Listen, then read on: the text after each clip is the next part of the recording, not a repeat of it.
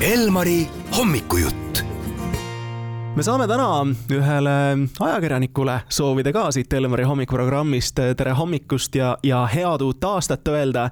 selleks on Kristina Herodes, tere hommikust sulle, Kristina. tere hommikust ja imelist, fantastilist ja õnnelikku uut aastat teile ka Kristiina, sina oled Postimehe elustiili toimetuse juht ja uus aasta on toonud uuenduse digiajakirjad. mis asjad need on? Digiajakirjad on meie kõige positiivsemad äh, lood ja miks me nad tegime just digitaalselt, ma arvan, et igaüks on lugenud naisteajakirju, kas teie olete mõnda näinud, et muidugi. naisteajakiri. naist näiteks. no iseenesest ajakiri kui kui lugemisvara on ju nii mõnus, lähed juuksurisse, lähed, ma ei tea, hambaarsti juurde, loed, mida inimesed teevad, kuidas nad mõtlevad, millised suhted neil on. ta on selline hästi intiimne, sõbralik ja soe sisu. aga mis on maailmas vahepeal juhtunud, on see, et me oleme väga rohelised ja me ei taha enam neid klantsgaasi ja me ei taha enam metsapuid maha võtta. ja sellepärast me oleme teinud kogu selle sama stiilis sisu digitaalseks. ja seal on kaks plussi veel, et lisaks sellele, et sa kaitsed loodust, sulle mahub see taskusse, sa võid igal pool seda lugeda, sest kunagi omal ajal, kui mina käisin reisimas, ma tõin alati kaasa ajakirju, kuna nad olid nii ägedad ja värvilised, vaata vanasti ei olnud ju Eestis ajakirju. ja nad kaaluvad nii palju, sa ei kujuta ette lihtsalt, see on nagu alati mul üle kilod nende ajakirjade pealt aga digiajakirjad on jah sellised, mis ei võta sul ruumi ei käekotis ega pagasis ja iga kell, kui sa tahad mingit toredat lugu, nagu näiteks täna võid võtta, lugeda, kuidas mõtleb Merle Palmiste, mida ta hinnatõusust arvab, siis võtad aga taskust mobiili välja ja naudid. Kuidas nüüd siis sellega täpsemalt on, et kas on ka nagu selline spetsialiseerumine siin toimunud, et kui me räägime, näiteks on lemmik, on kodu, on naine, on reis, et kui mina olen mees, et mul sealt naisest ei ole midagi lugeda?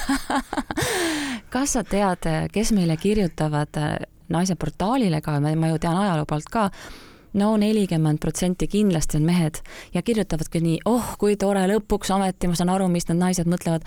aga kui sa mõtled, mis on naiste elus põhikohal, suhted loomulikult. kas keegi käib reisil üksi? ei. mehed reisivad, esimene reisiajakirja kaanestaal on Roald Johanson eh ehk ju väga-väga niisugune särav, atraktiivne härra, soe, jube kihvti jutuga ja mina ütlen, et selline termin naisteajakirjad on, äh, kuulub ajaloo kolikambrisse selle koha pealt, et see diskrimineeriks kedagi. no absoluutselt ei ole niimoodi, loeb, kes tahab ja naised loevad ju poliitikauudiseid ka, kas see on siis neile ka keelatud? kui me teame, et paberajakiri ilmub noh, keskmiselt kord kuus, siis kui tihti uueneb digiajakiri? Esimeses äh, portsus jaanuaris tulid meil kõik äh, neli korraga välja, aga edaspidi on niimoodi, et igal esmaspäeval on sul uus kaanekangelane ja uus digiajakiri kohe esiplaanil, siis ja järjekorras nad hakkavad siis vahelduma naine, lemmik, reis, kodu, nii et praegu jaanuaris on natukene eriolukord ehk siis sa saad kõike korraga koos, aga ka see uueneb meil tegelikult jooksvalt, ehk siis äh, meil ei ole seda survet, et me peame nagu paberisse lükkama kõik korraga, kuna trükikoda lihtsalt hakkab oma trükipressi ragistama, vaid me saame nagu olla digiaktiivselt elusad ja kogu aeg panna sinna uut sisu äh, lugemiseks juurde. aga muidu on jah niimoodi, et iga esmaspäev alustad nädalat, loed natukene tõsiseid uudiseid ja siis lähed siuhti digiajakirjadesse ja loed midagi hingele ka. Kas see ongi nüüd ajakirjade tulevik, et ma ei saagi kioskist osta mingisugust paberkujul ajakirja, et see ongi praegu see, mida me vajame ja mida me reaalselt saame nagu kasutada iga päev, et võtadki oma selle telefoni näiteks välja ja vaatad, mida siin lemmiku all kirjutatakse. mina arvan, et see trükitud versioon on ka ju kaunis ja kunstipärane, et see on, sellel on kindlasti omad fännid ja, ja kõik see asi on tegelikult ilus ju kohvitassi kõrvale võtta, miks mitte, ma arvan, et asjad jäävad, alternatiivid jäävad ka, aga ma ise näen, et selline loodust säästev teine versioon on inimesele mugavam ja ta nagu kohaneb uue maailmaga võib-olla pikemaks ajaks.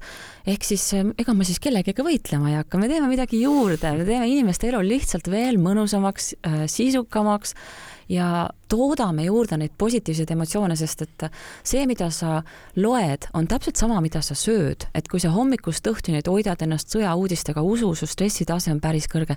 ma ei ütle, et ei tohi olla uudistega kursis, loomulikult tulebki olla, aga vahele söö mingit äh, maitsvat persoonilugu ka räägime praktilisest poolest ka, me ei taha olla keegi ju maksumüüri taga, me tahame ikka sellest müürist üle astuda. Jaanuaris saavad absoluutselt kõik huvilised minna, astuda sisse ja lihtsalt lugeda. see on nagu tutvumiseks kõigile, täiesti maksumüüri vaba siis ja seda inimesed väga hea meelega äh, kasutavad ja muideks äh, me läks, tulime ju välja, meil on alles aasta algus, alles. me oleme jumala, jumala palju kirju saanud juba, et oh, kui tore, lõpuks ometi saab loo lõpuni lugeda. aga no tõsi on see, et ega ajakirjandust ju puhtalt õhust ja armastusest ei tee, aga digiajakirju saab lugeda iga Postimees paketi, digipaketi lugeja, see on siis osa sellest, sellest sa ei pea ekstra midagi maksma, sa saad nagu pluss digiajakirjad, pluss uudised, pluss sport, kõik, kõik, kõik sa saad koos ja lihtsalt naudid, mida parasjagu sellel päeval on isu süüa. ja ei pea selle eest midagi ekstra rohkem välja käima.